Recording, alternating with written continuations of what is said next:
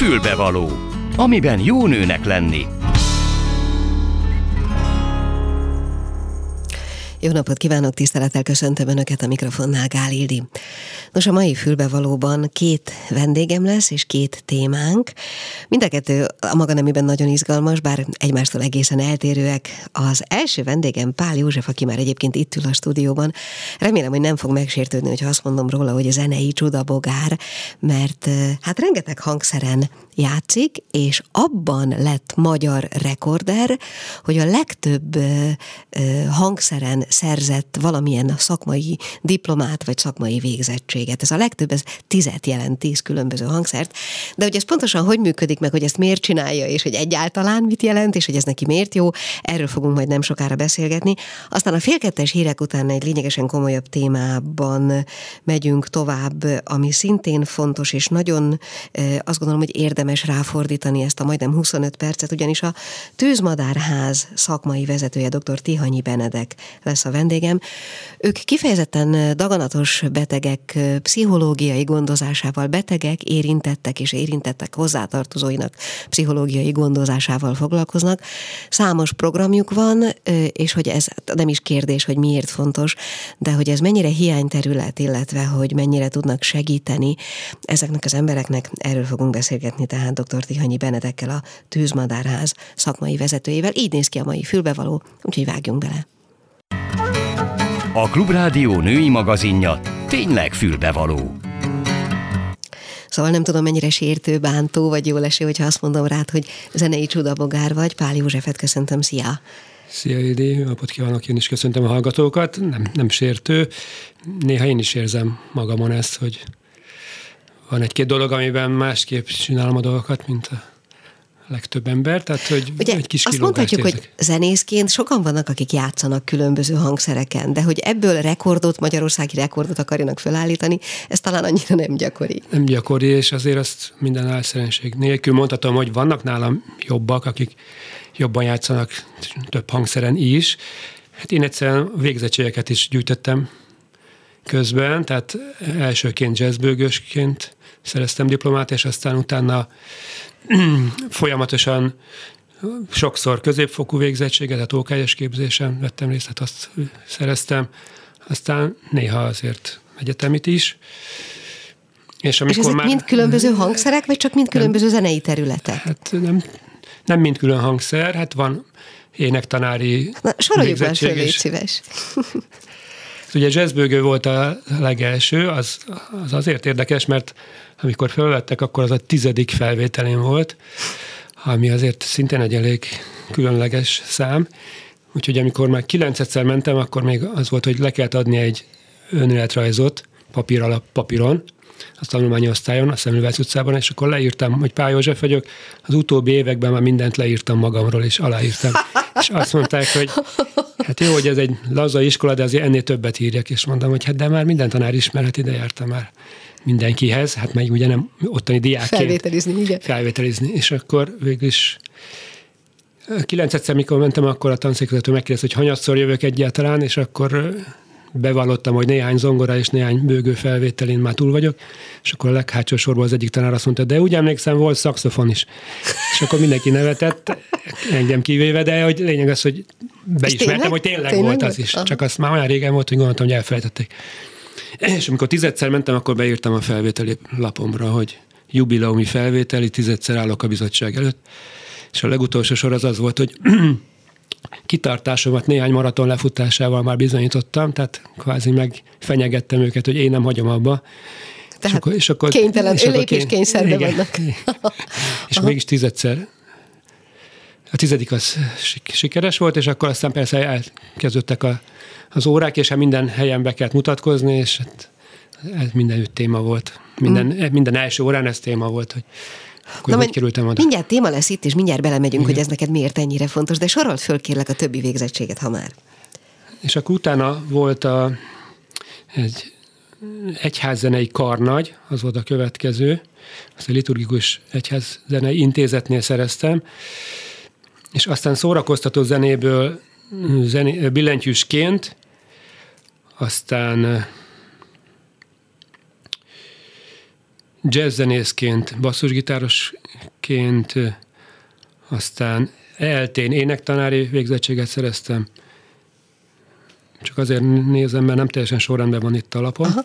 és aztán basszusgitárból és klasszikus zeneszerzésből és klasszikus fuvalából pár éven belül, ezek okályos végzettségek, és aztán a végén szórakoztató zenéből is szereztem zongorából egy végzettséget, és gitárból, az volt a kilencedik, ott két évet jártam, de nem csináltam meg a szakvizsgát, tehát végbizonyítványom van, és ekkor gondoltam, hogy ezért ez már elég sok, és írok a, a Magyar Rekordok Egyesületének, fölkerestem őket, de beleírtam a levélbe, hogy ez még nem zárult le ez a folyamat, mert épp akkor vettek föl a Zenakadémiára, és most, az két éves képzés volt, most végeztem, mint jazz zeneszerző mesterszakon. Tehát tulajdonképpen ez a sok tanulás, ez itt csúcsosodott ki, és végül is itt lett leginkább ezt alkalmazni a zeneszerzésben, hogy több hangszerhez értek, nem vagyok nagyon-nagyon kiemelkedő egyikből sem, de azért hozzá tudok szólni, tehát vagy le is tudom játszani, hogyha egyszerűbbeket írok, és akkor egy pár hete, és akkor megkaptam ezt az oklevelet, hogy kilenc zenei végzettség, és aztán néhány hete ezt most megdöntöttem, mert megvolt már az államvizsga is, és a diplomakoncert is egy hete. Azért lássuk be, hogy ez egy kicsit őrültségre volt. Tehát ugye egy cseppet, Van benne, egy... igen. Mert azt értem egyébként, hogy valaki szerez végzettségeket, meg azt is értem, hogy meg akar tanulni minél több hangszeren, meg hogy ezt még le is igen. akarja iratni, de hogy ezzel még egy rekorder bizottsághoz igen. is fordul, és a magyar, magyar rekordere, rekordere lesz ennek a dolognak, hát azért na. Oké, okay. E, ez azt jelenti, ugye, már, és ez már azért a tizedik felvételi igen. alkalmával, ugye, amikor jazzbőgőre felvételizt is gyanús lehetett talán. Igen, igen. hogy hogy azért benned nem csak kitartás van, illetve a kitartás az hát nyilván az, nagyon erősen igen. megvan, hanem valami olyan vágy, ami akkor is űz, hogyha, hogyha egyébként nem lát, mert azért az ötödiknél csak gyanús lehet, igen, a vagy a hatodiknél már gyanús nem. és abba hagyja. Szóval, hogy nálad mi ez? Hát valamennyire nyilván bizonyítási vágy.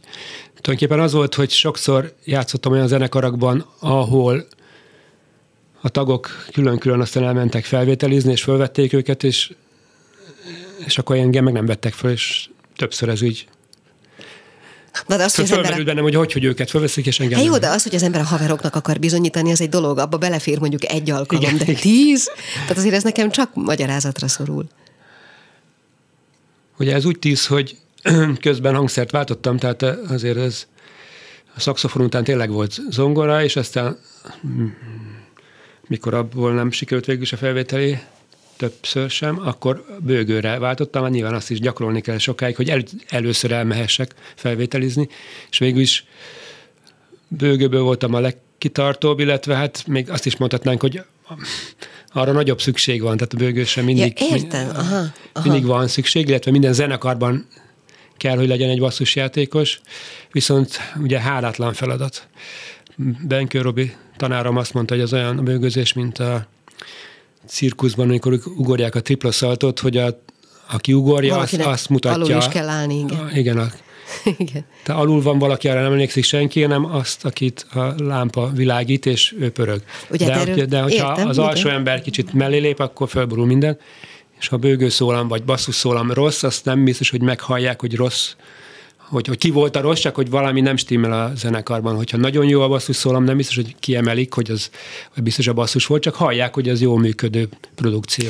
Erről Tehát ugye feladat. színházi előadás is született már a Nagy Bőgő ha, címmel, ami ugye nagyon. pontosan ezt, igen, igen. ezt az alapállást taglalja, igen, hogy igen. a zenekarban milyen érzés egyébként hátul a 87. sorban Pontosan. fogni a bőgő. Én ezt a okay. darabot láttam még Darvas Ivánál, amikor még nem bőgöztem, és akkor nem értettem a poénokat benne, de aztán... Azóta meg kitisztult. Aztán kitisztult, és el is olvastam. És Most is, is látható egyébként Clem Viktor is játszott, igen, csak igen, mondom. Igen. Jó, akkor még egy kicsit arról beszélgessünk, hogy egyébként te egy virtuóz zenész vagy? Tehát mennyire nem. vagy te birtokába ezeknek a, ezeknek a, és most bocsánat, hogy ilyen egyenesen kérdezem, ezeknek a szakmai ö, tudásoknak? Ugye most szereztél hát, mesterdiplomát a zeneszerzésből. Szóval mennyire vagy te virtuóz zenész? Virtuóz szakmai ember? Kiemelkedő lennék. Szerintem Na és pont ezért jutott eszem, hogy esetleg írok egy valami kis tanulmányt a gyakorláson, mert ugye én most hitelesebb vagyok azzal, hogy ilyen sok hangszeren gyakoroltam, de soha nem voltam annyira kiemelkedő, mert akkor nyilván már másodszor felvettek volna.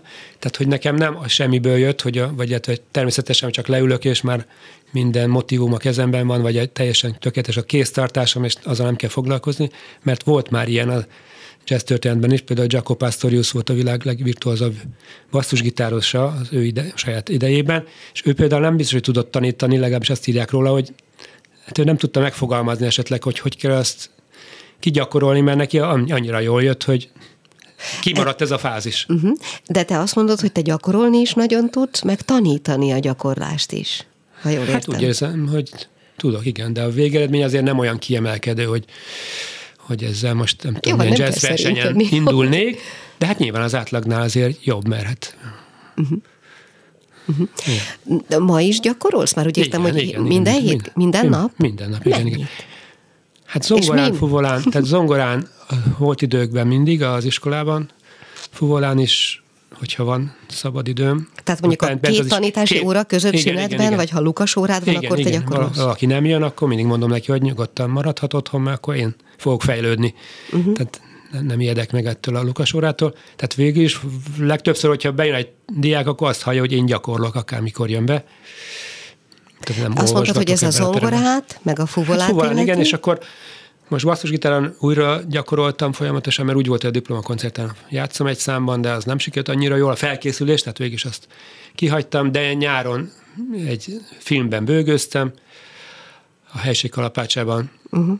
Akkor azt föl elevenítettem, és tavaly volt gitáros diákom, akkor a gitárt annyira használtam nap mint nap, hogy én is átéljem azokat a feladatokat, tehát amiket én feladtam leckéket, azokat én magam is kigyakoroltam. Na, tehát, hogyha akarnál, akkor igazából írhat, most már zeneszerző vagy, hát sőt, már... mester zeneszerző Igen. vagy, most már írhatnál magadnak olyan darabokat, amiket külön-külön föl ja, tudnál hát, játszani bármilyen hangszerrel. Ja, hát, vagy sőt, hát van egy nem? olyan darabom, amit úgy írtam, hogy zongorázás és fuvolázás párhuzamosan zajlik. Uh-huh. Tehát a fuvolán olyan hangokat, olyan hangokon tudok megállni, amit csak egy kézzel kell ja, lefogni, és közben ja, értem. összepedálozva a zongorán is elkezdek játszani, és akkor közben trillázok, vagy csak egy hangot fújok a fuvolán. Tehát, hogy nem arról van szó, hogy különböző nem. sávokra fölvesznek nem, különböző. Nem, nem hanem ülsz a zongoránál, és közben fuvolázol. Igen, igen. Örülek. És aztán, amikor a zongora elhal, akkor megint valami egy akkordot megütök, és akkor visszaveszem a jobb kezemet is, és akkor két kézzel úgymond hagyományosabban fuvolázom, és akkor olyan dallamok vannak, és ez, ezeket így jó, hát most már nem mondom többször, oké, okay, és közben, közben fülig érez. Hát mond a, a Szóval hogy érzek némi öniróniát abban, ja, ahogy van. így fogalmazol saját magadról. Igen. Értem, hogy ezt te nagyon szereted csinálni, de könyörgöm, minek? Persze ezt nem én hát, kérdezem, én. tudod, ezt kérdezhetné bárki, én értem, hogy minek egyébként. De hogy ha a világ azt kérdezi tőled, hogy ne arra, hogy mert ott tök jó, meg minden, de mi a francnak csinálod ezt az egészet, akkor mi a válasz?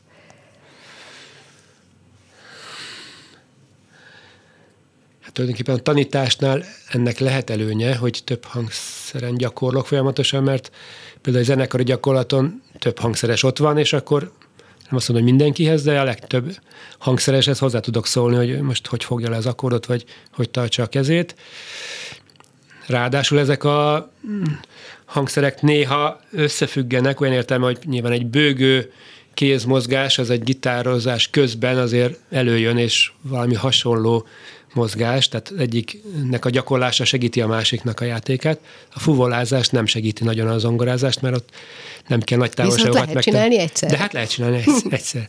tehát egymásra is hatnak ezek, tehát ugye a legtöbb zenésznek kell kötelezően zongorát tanulni, tehát sok olyan diákon van, akinek nem az a fő hangszere, tehát ő is gyakorol valamilyen hangszeren, és akkor zongorán is Mond, van ezek közül kedvenc, vagy egyszerűen szintetizáltad őket itt a zeneszerzés keretein belül? Hát én, ha nagyon-nagyon választani kéne, és betolnának egy nagy stúdióba, és ott mindenféle hangszer van, akkor azért zongorán játszanék a legtöbbet, de azt el kell ismerni, hogy ott még nagyon virtuóz zongoristák vannak, tehát ott azért nagy a konkurencia, most hogyha így veszem, de hát nyilván zongorán lehet legjobban sok szólamban játszani, ott lehet a legtöbb szint kikeverni, hangszint úgy értve. Tehát azért a zongora átlátása az a legpraktikusabb. Józsi, miből élsz? Azon túl, hogy, hogy nyilván értem, tanítasz, hát és tanítok, akkor közben... Igen. De csak kíváncsi vagyok, hogy hogy telnek a napjaid, meg ugye a Lukas órákban zongorázol, meg gyakorolsz, hát meg ugye, minden, de e körül forog az élet?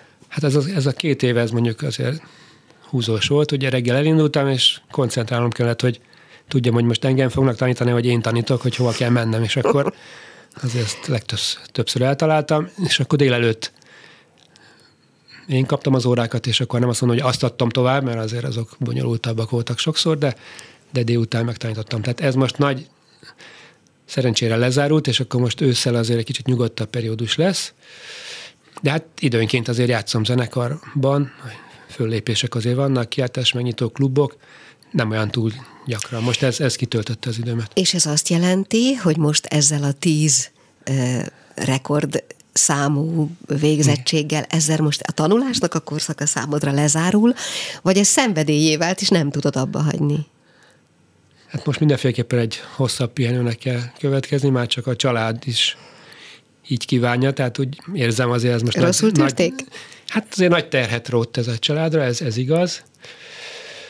Tehát most akkor újra több közös program kell, tehát ez, az fog most előtérbe kerülni. De van benned vágy a további tanulós dolgokra, akár hang, más hangszerre, akár hát nem, nem, bármit továbbfejleszteni? Nem, nem, hát ha nagyon megszorítana valaki, tehát most akkor valaki jelentkezne, hogy hallott, hogy van ilyen rekord, és akkor most már neki is kilenc, tudom, akkor lehet, hogy valami citera, vagy valamilyen gyorsan tanulható, már elnézést tőlük, de hogy valamilyen szakon gyorsan, gyorsan tanulni, de csak most dönteni. félig vissza. Hát az a lényeg, hogy most Tudod, mi, mi fogalmazódgat itt meg bennem, miközben itt beszélgetünk, meg hát előtte még egy olyan öt percet beszélgetünk, mm. sokkal többet nem, és hát nagyon régen találkoztunk. Mm. Azon gondolkozom, hogy én ezt értem, meg tetszik is, meg nagyon tetszik, hogy így mosolyogva, meg önironikusan beszélsz erről az egészről, de az jutott eszem, hogy mi leszel, ha nagy leszel? Hát most a nagybetűs életbe kikerülök ősszel, mert most most Elárulható, hogy hány éves vagy, vagy titok? Hát jókarban lévő 60-as. szóval? Hát tanítás. Szerintem ott, ott találtam meg a leg több sikert mostanában, úgyhogy én abban szeretnék előrelépni. Az mit jelent? Mármint az előrelépés? Hát, hogy, hát az, hogy végig basszusgitár, zongora növendéken van, hát fúvós nincsen, bőgős nem volt még az iskolában, de hogyha nyilván lenne, akkor lehet, hogy elvállalnám. De lényeg az, hogy zongorából azért mindenféleképpen szeretnék fejlődni, az, azért az vágyam, hogy ott ugye ebben a két évben nagyon sok mindent megtanultunk, vagy összeírtam rengeteg dolgot, de nem volt idő kigyakorolni, tehát most ugyanúgy a zongorában, mint a zeneszerzésben. A zeneszerzés egyébként ez valamelyes szintézise mindennek? Az előbb már így próbáltam utalgatni erre. Hát nálam igen, de nem kötelező, tehát aki... Na nem úgy gondoltam, hanem hogy a fejedben, tehát hogy ez azt Fejed. jelenti, hogy valaminek a csúcsa, hát valami szerintem... fajta, másfajta rálátása igen, korábban igen. szerzett dolgokra, meg ilyesmi. Igen, igen, ez biztos, hogy nálam ez uh-huh. most összeért ez a sok tudás. És, és zeneszerzőként gondolsz, tervezel, álmodsz olyasmit, amit, amit csak a Pál Józsi tud? Hát, azt mondták a vizsgákon, hogy a rövid kis zongora darabjaim azok talán a legjobbak. Ezek inkább tartoznak kortárs zenébe, mint jazzbe, jazz kategóriába. És hát végül is most persze beszélek, beszélek, de azért inkább szűkszavú vagyok valóságban, és zenében is. Tehát másfél percnél hosszabb darabom szinte nincs is. Egy-két oldalas zongora darabjaim vannak, illetve a kicsit hosszabb hangszeres darab, de az is, tehát három percnél nem hosszabb egyik se. Hmm. Tehát ezek rövid kis... Tehát ilyen örkényi világ. Ja, igen, igen, igen, igen, igen, igen. Hát az ira- iróniát, meg az öniróniát, hát, meg ezek a méretek így, végül is. Igen. Tehát ebben fogok szerintem legtöbbet úgymond alkotni, tehát ilyeneket fogok szerintem a következőkben is. És a, amik, amiket alkotni tervezel, azok elsősorban kotta alapon kiadandó, tanítandó, hát is, is, vagy a tanításban is. felhasználható dolgok, vagy hangfelvételek mondjuk, amivel akár bármilyen rádióban, tévében, bárhol, filmben. Hát is ismertem, mert kottában is fölmerült már, hogy ezeket, ezek közül néhányat ki lehetne adni. Aha. De hát akár film, vagy színházi zenéhez is passzolna szerintem némelyik. Tehát ezt is tervezem, hogy majd valahogy ezeket népszerűsítem, vagy, vagy ajángatom. Ott mondjuk nyilván a hanganyag, ami a fontosabb, vagy az Aha. fogják majd meghallgatni, de hát persze, hogyha az valaki eljátsza, akkor kell kotta hozzá. Na jó, hát nagyon érdekes eh, volt téged így látni sok év után, meg hallani azt, ahogy beszélsz, meg ahogy gondolkodsz magadról, meg a világról, és szerintem többé-kevésbé ki is rajzolódott, annak ellenére, hogy azt mondod, hogy nem vagy a szavak embere. Igen, igen. Hát tulajdonképpen több év tanítás, tanítás után múltkor mondtam az osztálynak, hogy lehet, hogy még meg se fogalmaztam, hogy mi az én tanít, tanári arszpolitikám, és aztán nem tudták, hogy mi az. Hát félig vicces, de tulajdonképpen az, én úgy fogalmaztam meg, hogy annyi cunami, meg járvány van, meg földrengés, meg a száj, hogy akkor legalább már én nem szeretném nehezíteni a dolgukat a diákoknak. Tehát, hogy én végül is olyan órákat tartok, amelyek hát érintenek több témát is, ez, ez szinte mindig így van. És, a, és ezekből a tanulmányokból, illetve sokféle munka, munkából, amit eddig csináltam, abból mindig hozok példákat. Uh-huh.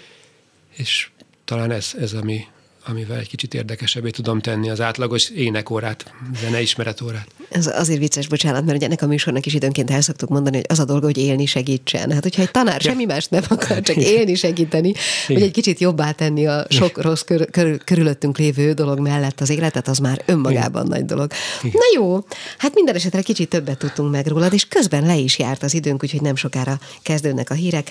Pál Józsefet hallották, akiről én azt találtam mondani, hogy zenei csudabogár, eh, és eznek azt, az az indoka tulajdonképpen, hogy megszerzett összesen tíz különböző zenei végzettséget, ugye nem jelent mindegyik különböző hangszert, de zeneszerzésből most szerzett mesterdiplomát, és ebből, mindebből pedig fölállított egy magyar rekordot. Őt hallották tehát mostanáig.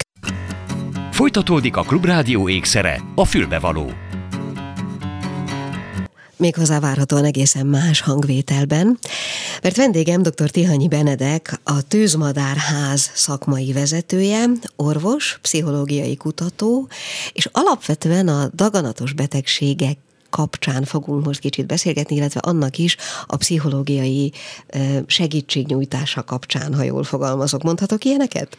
Ha, igen, hasonló? Igen. igen, szeretettel köszöntök én is minden hallgatót. Na, hát akkor szerintem kezdjük az elején. Azt gondolom, hogy, hogy senki számára nem kérdés, hogy ez a típusú betegség, ez nem kizárólag fizikai betegség, hanem rengeteg olyan ö, körülmény van, amiben az embernek a lelke, amennyiben ez egyáltalán külön választható, szorul segítségre. Ugye itt gondolom, hogy egy diagnózis felállítása után van egy óriási trauma. Azt valahogy fel kell dolgozni, hogy beteg lettem.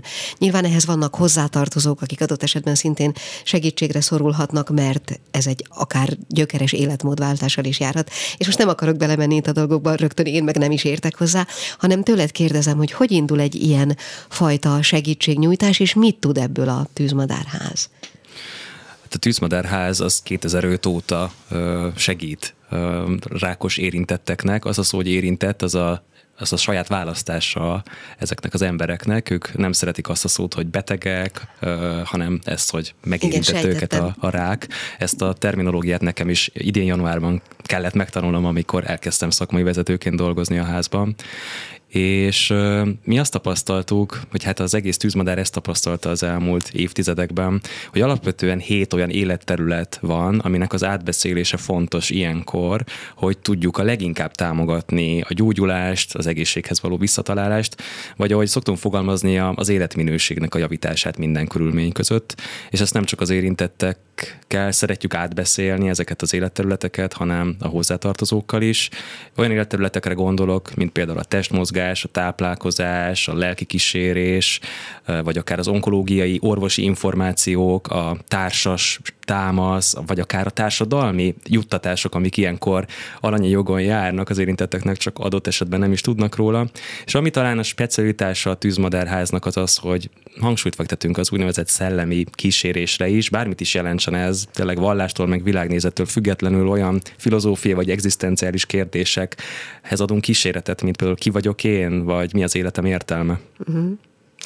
Na, hát akkor szerintem beszéljünk konkrétumokról. Szerintem ezt így nagyjából értjük, én legalábbis érteni vélem, de hol kezdődik egy ilyen történet? Akkor, amikor kiderül egy ilyen diagnózis, vagy hamarabb? Egyrészt, másrészt, amikor kiderül egy ilyen diagnózis, akkor nem az az első, én most a józan paraszti észszel gondolkodom, nem az az első, hogy hagyjál békén? Hagyjál békén, ne szólj hozzám, egyedül akarok lenni? Hát talán ez a legfontosabb kezdő információ, amit tudok mesélni az érintettek beszámolóiról, hogy mindenki más, tehát hogy minden történet más és más. Um, ami, ami, ami szintén ide tartozik, viszont tehát, hogy nagyon sokszor tapasztaljuk az az, hogy a, a, ez a megrázkódtatás, hogy ö, valaki kap egy diagnózist, hogy rákos, ez egy, ö, ez egy trauma mélységű krízist hoz létre, ami nagyon, ami az, azzal egyenértékű, hogy az idő összekeveredik. Tehát, hogy a jelen az a múlt is, de valahogy a jövőt is teljesen átszínezi, és az egész ebből lesz valamilyen katyvasz, amiben már nem is annyira lehet érteni, hogy akkor mi is, mi is az, ami volt, meg mi az, ami lesz.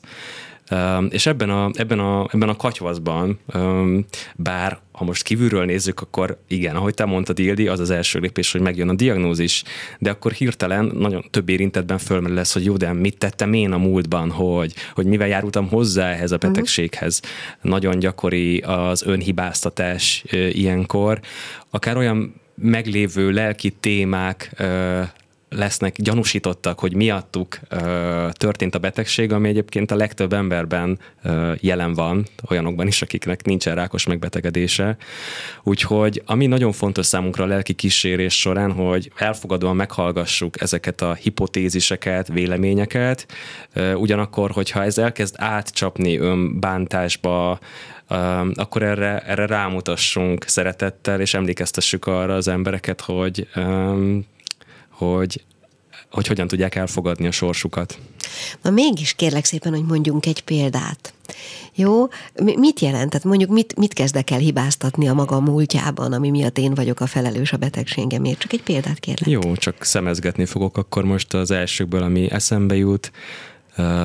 A legtöbb érintett, akik hozzánk fordul, nő, és a, a női szerepekkel, a nőiséggel való kapcsolat, például a, a nőiségnek a feláldozása, a teljesítménykényszernek az oltárán, a túlvállalás egyszerre, családanyaság és egyszerre munka terén maximális teljesítés, vagy akár az eltávolodás az érzékiségtől, vagy az intimitástól, uh-huh. és most ezeket hangsúlyozottan úgy mondom, hogy én hallottam érintettektől, uh-huh. nem pedig, és ez tényleg fontos kihangsúlyozni, nem pedig úgy, hogy bármilyen tudományos bizonyítékunk lenne arra, hogy aki Hát világos, csak gondolom az ember ebben a helyzetben magyarázatot keres. Elsősorban önmagának, még akár a hagyjál békén fázison belül is, ha van ilyen. Tehát, hogy gondolom, hogy azzal kezdődik, hogy de miért? Meg miért pont én? Meg mit csináltam, hogy ez így alakult? Mi lehet az oka. És hát nyilván ezekből születnek ezek a fajta hipotézisek, minden tudományos alátámasztás nélkül is akár. Igen. Most már másodszor mondod a hagyjál béként, és ehhez is muszáj kapcsolódnom, igen. hogy igen, ez is nagyon sokszor előfordul, bár mi ugye a legtöbb érintettel nem találkozunk, akinek a hagyjál békén reakció állandósul, viszont sok olyannal igen, akinél ez bekapcsolt az élettörténetének az egyik pontján, nem is gondolt arra, hogy ő valaha kérne lelki segítséget, és aztán oh, ja, értem. valahogy mégiscsak megváltozik, és utólag elmeséli, hogy bizony sokáig úgy volt ezzel, hogy rajta nem is lehet segíteni, nem is kell segíteni, nem ismer segítséget kérni, és uh-huh. nem mhm. is hisz abban, hogy lelki szempontból itt van mit tenni. Aha. Még egy furcsát mondtál, amire vissza kell kérdezzek, ez az idő összegabajodás, ez mit jelent? Ez azt jelenti, hogy a hétköznapi felnőtt tudatállapotunkban tisztában vagyunk azok, azzal, hogy hol vagyunk, kik vagyunk, mi a múlt, mi a jelen és mi a jövő, és egy trauma hatására egy olyan összezavarodott gyakran regresszióként, tehát a gyermeki állapotba való visszacsúszásként értelmezhető állapotba jutunk, ahol ezekre a teljesen alapvető kérdésekre sem tudjuk a választ. Tehát krízisbe kerül és összeomli, összeomolhat az én kép és, és az idővel való viszony is. Ettől a traumától. Így van. Aha. És akkor ez, ezt, ezzel még nem találkoztam, úgyhogy ez, ez, ez hogy néz ki, vagy ez pontosan mit jelent? Talán a magyar nyelvünkben az a kifejezés kapcsolódik a leginkább, hogy még azt se tudja, hogy fiú-e vagy lány. Aha. Ezt abban az értelemben mondom, hogy tényleg az, hogy, hogy én, én ki vagyok, tehát hogy, ki, igen, ki, igen, ki ez igen, a valaki, értem. ezt az egészet uh-huh. átéli. Ez nem csak racionálisan a gondolatok szintjén szűnik meg a válasz, hanem zsigerileg is lesz egy mély elveszettség, kiszámíthatatlanság és bizonytalanság élmény. Olyan, mintha a, a létezésnek az alapja az az a hit lett volna, hogy én egy egészséges ember vagyok. Aha. Ez nagyon gyakran párosul ahhoz a hiedelemmel is, hogy halhatatlanok vagyunk, vagy szeretünk, szeretünk magunkra úgy Hát, tekinteni. hogy mindenkivel megtörténhet, de velem nem. Így ugye? van. Aha. Igen, és ezt az alapjainál rengeti meg az az információ, ami azon a bizonyos diagnózison szerepel, amit az orvos uh-huh. átnyújt. Uh-huh. És egy ilyen összezavarodott, összekeveredett állapotban mi lehet az első lépés, ami egy kifelé vezető utat jelent, hogy Hát te is említetted, hogy, hogy ahogy elképzeled ezt a helyzetet, úgy az jut eszedbe a hagyjál békén mellett a másik, hogy, hogy magyarázatokat próbál keresni az ember. És itt egy nagyon érdekes szakmai dilemmával találkozunk. El tudod képzelni, hogy hétről hétre jönnek hozzánk olyan érintettek, akik mondjuk nemrég tudták meg, uh-huh. hogy, hogy, hogy rákos diagnózis érvényes rájuk, és nagyon szeretnének minket bevonni abba a folyamatba, hogy a magyarázatokat megkeressük, felderítsük azokat a bizonyos lelki okokat, gyorsan megoldjuk a lelki okokat, és ezzel garantáljuk a gyógyulást. Uh-huh. Azt hiszem, hogy alapvetően kétféle segítői reakció létezik erre a kiélezett helyzetre. Az egyik reakció az az, hogy a segítő az saját tapasztalatai vagy a tanulmányai mentén megadja ezeket a magyarázatokat. Például vannak olyan módszerek, ahol csak felcsapnak egy tankönyvet, melyik szervnek a daganatos betegségről van szó, akkor az milyen lelki oknak feleltethető meg, mint egy szótár, uh-huh. és akkor azon a, azon a témán elkezdenek dolgozni. Ennek az az előnye, hogy kiszolgálja azt az igényt, ami, ami, amit kér a segítségkérő, viszont az a hátránya, hogy nem mindig igaz. És itt jön be a képbe a második segítői reakció, ami mellett mi a házban letesszük a voksunkat, nem használunk szótárakat, hanem helyette saját magunkat kínáljunk föl, saját segítő jó szándékunkat, személyiségünket, és ott vagyunk a másik számára, oda szenteljük a figyelmünket, a lelki támogatás minden formáját, amire képesek vagyunk, azért, hogy ezt a bizonytalanságot, és azt, hogy nem biztos, hogy lesz egyértelmű kézzelfogható, egyszerű magyarázat erre a történetre, ebben elkísérjük őt. Uh-huh. És erre a történetre feltétlenül magyarázat kell, vagy a magyarázat nélkül, vagy enélkül a görcsös magyarázat keresés nélkül is lehet előre jutni a gyógyulás útján, mert azt mondom, hogy itt ez eddig tartott, és mostantól elkezdek, nem tudom, épülni, gyógyulni, rendbe jönni. Nekünk az a tapasztalatunk, hogy maximálisan elképzelhető a gyógyulás is, vagy a, az életminőség javulása úgy is, hogyha nincs meg ez a fajta egyértelmű magyarázat, ami viszont fontosnak tűnik a legtöbb történetben, az az, az, az értelemadásnak a képessége. Uh-huh. És most hangsúlyosan a, egy késői fázisról beszélek. Szóval az első lépés az az összeomlás. És mindenki, aki keresztül megy ezen az összeomláson, fontos tudnia, hogy ez rendjén való, hogy mindenkivel ezt meg tud történni, aki hasonló eset ér, és hogy ö, nem lók ki a sorból ezzel, sőt, az összeomlás mutatja valahogy az emberi mi voltát, és egy későbbi fázisban jöhet el annak az ideje, amikor már szembe lehetett nézni ezzel a krízissel, hogy feltegyük azt a kérdést, hogy vajon, vajon mi lehet az értelme ennek a történetnek, vajon hozott-e magával valami olyan változást, ami segíteni tudja a jövőt, ami egy gazdagodást jelent, vagy egy gyarapodást. Mondok néhány példát, sok túlélő arról számol be, hogy egyszerűen elkezdte az élet apró örömeit teljesen más szinten élvezni. Korábban is magazinban olvasott erről, hogy élvezke az élet apró örömeit, de egy ilyen élet-halál kérdés után a színek színesebbek, az ízek ízesebbek uh-huh. és az örömök örömtelibbek. A másik gyakori téma a kutatások szerint az pedig a másoknak a segítése. Tehát, hogy korábban esetleg élt egy olyan életet, vagy vezetett egy olyan karriert, ami mondjuk a saját anyagi jólétet biztosította, és a, a, a betegség és a gyógyulás után pedig egy sokkal hangsúlyosabb szempont lett az, hogy hogyan tudja ezeket a tapasztalatokat átadni, és másokat átsegíteni a nehézségeken. Mm.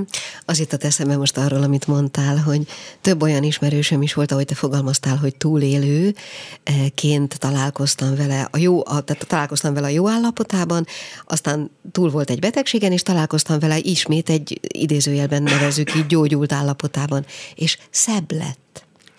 Szép lett. Tehát ne, nem tudom másképp fogalmazni, csak ilyen nőies, nem tudom mivel, de hogy szépnek láttam őket, miközben tudtam, hogy egy hatalmas traumán, és ezen a fajta épülési folyamaton vannak túl. Igen, annyiban tudok kapcsolódni hozzá, így hat hónap tűzmadarazás után, hogy valami fajta megnyugvás, vagy békesség, vagy bölcsesség kisugárzást vettem észre azokon, akik szembenéztek valamivel, ami most nagyon nehéz, és utána felülkerekedtek rajta. Uh-huh és be tudták valahogy illeszteni az élettörténetükbe, igen, ez megtörtént velem, és be tudták illeszteni az én, képjük, én képükbe is, igen, ez megtörténhetett velem. Uh-huh.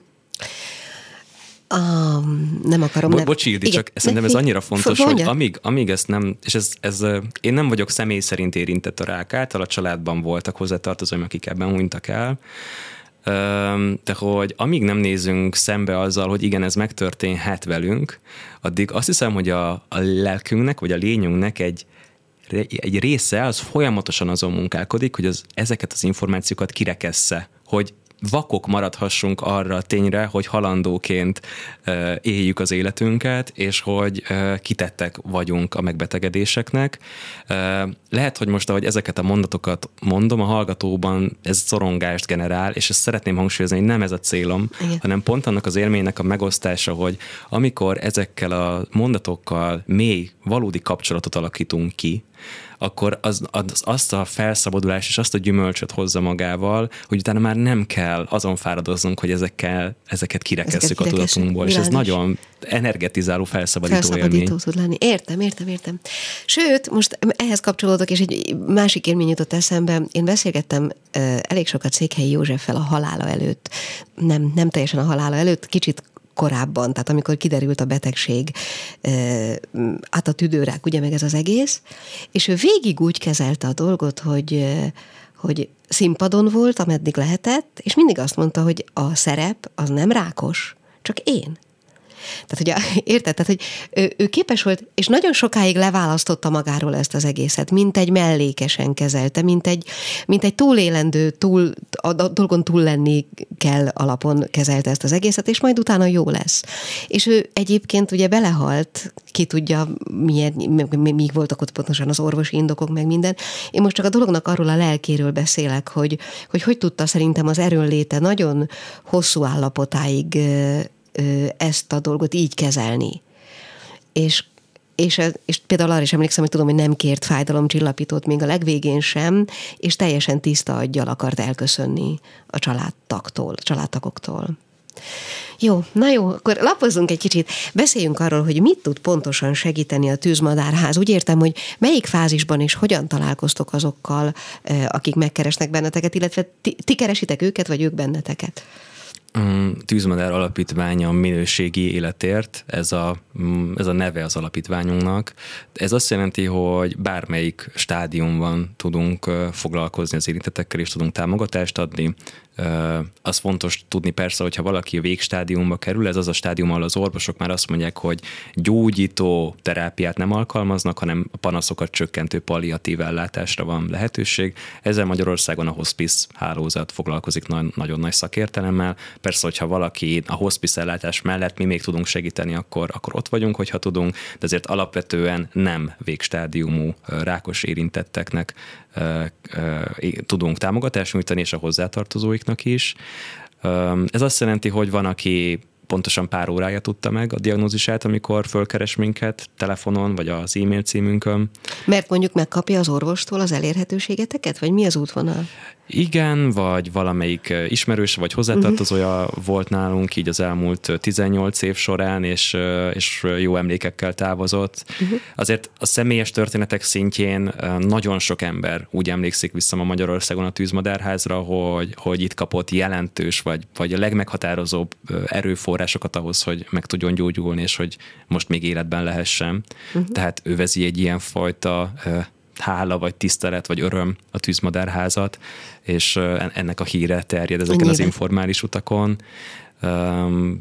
nyilván, nyilván van honlapunk, van Facebook oldalunk, tehát itt a, itt a tűzmadárháznak meg lehet találni a mindenfajta működését, de, de azt tapasztalom, hogy alapvetően a, szájról, a szájhagyomány útján hallanak róla, rólunk az emberek. A, még arra nem pontosan válaszoltál, hogy mi mindenben tudtak segíteni ezen a személyes kapcsolódáson túl, de majd utána az érdekel, mert még 10 percünk van hátra, csak próbálom beosztani az időt is, hogy a hozzátartozóknak milyen típusú segítséget tudtak adni. A hozzátartozók is szembesülnek ugyanezzel a megrázkódtatással, hogy, egy, hogy valaki, akit szeretnek, ő, neki a halandósága az most egyszerűen terítékre került, mint téma, és gyakorlatilag egy ugyanolyan gyászreakció indul be, vagy egy vesztesség reakció, ahol el kell gyászolni azt a korábbi életet és azt a korábbi képet, ahol mindannyian mak egészségesek voltunk, és ennek a, ennek a veszteségnek a feldolgozásában például a Sarungi Emőke által mm, itthon e, tanított veszteség és gyászfeldolgozó csoport e, e, tudjuk nyújtani a tűzmadárházban is, illetve az ő esetükben is azt gondoljuk, hogy minden életterületet fontos megtámogatni az, hogy legyen test és lelki erejük végigvinni ezt a történetet. Ugyanúgy fontos, hogy jól étkezzenek, ugyanúgy fontos, hogy testmozgásba vegyenek részt, ugyanúgy fontos, hogy meglegyen a megfelelő lelki kísérés, szellemi kísérés. Például azzal a gondolattal, hogy, hogy, hogy hatást tudok-e gyakorolni a magam gyógyulására, azzal, hogy tehát azt hogy lehet megerősíteni? Akár a hozzátartozóban azt, hogy a másik gyógyulására. Érted? Tehát csak azt, hogy, hogy az ember kiszolgáltatottnak érzi magát egy ilyen helyzetben, gondolom én, és azt a kontrollt, vagy azt a képességet visszaszerezni, hogy rajtam, vagy rajtam is múlik a dolog, azt hogyan? Egy nagyon-nagyon kétélű fegyver ez, Ildi. A, a, Na, az, hogy mond. mekkora most így elképzelem magamat rákos érintettként, mekkora rajtam a felelősség, mennyire vagyok felelős a saját gyógyulásomért, mert ez, ennek van egy felszabadító napfényes oldala, az azt jelenti, hogy mennyi mindent meg tudok tenni most, és nem, nem csak a sors keze dobál ide-oda. A másik oldala viszont megint csak az önhibáztatás, hogyha nem teszek meg eleget, akkor az az én hibám volt. Uh-huh. Hogyha mondjuk hat év múlva, vagy tíz év múlva elmegyek egy kontrollra, és ott megint kimutatnak valamit, akkor az az én hibám volt-e. Értem, értem. E, uh-huh. És uh-huh. ezért megint az kerül nagyon középpontba, hogy legyen egy háló az érintett körül, beleértve a segítő szakembereket és a az ismerősöket, hozzátartozókat is, akik ilyenkor tudnak egy személyes, elfogadó és barátságos figyelmet áramoltatni az illető felé, hogy saját magába le tudja rendezni az önhibáztató köröket, és fel tudja fedezni magában ezt a potenciát, hogy amit viszont tud, azt meg tudja tenni.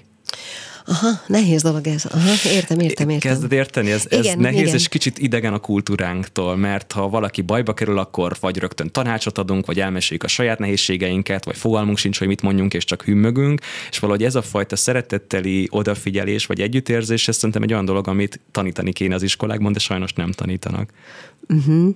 Tehát magyarul nem várok tőled semmi különöset, vagy magamtól semmi különöset, csak legyek jól a világban, amennyire lehet ebben a helyzetben, elfogadva azt, ami van. Valami ilyesmit jelent számunkra az életminőség javítása. Uh-huh. Tehát függetlenül attól, hogy milyen helyzetben vagyok, itt és most hogyan tudom mm, idővel feldolgozni azt, hogy mi történt, és megtalálni a helyemet a saját életem történetemben. Uh-huh. Hm.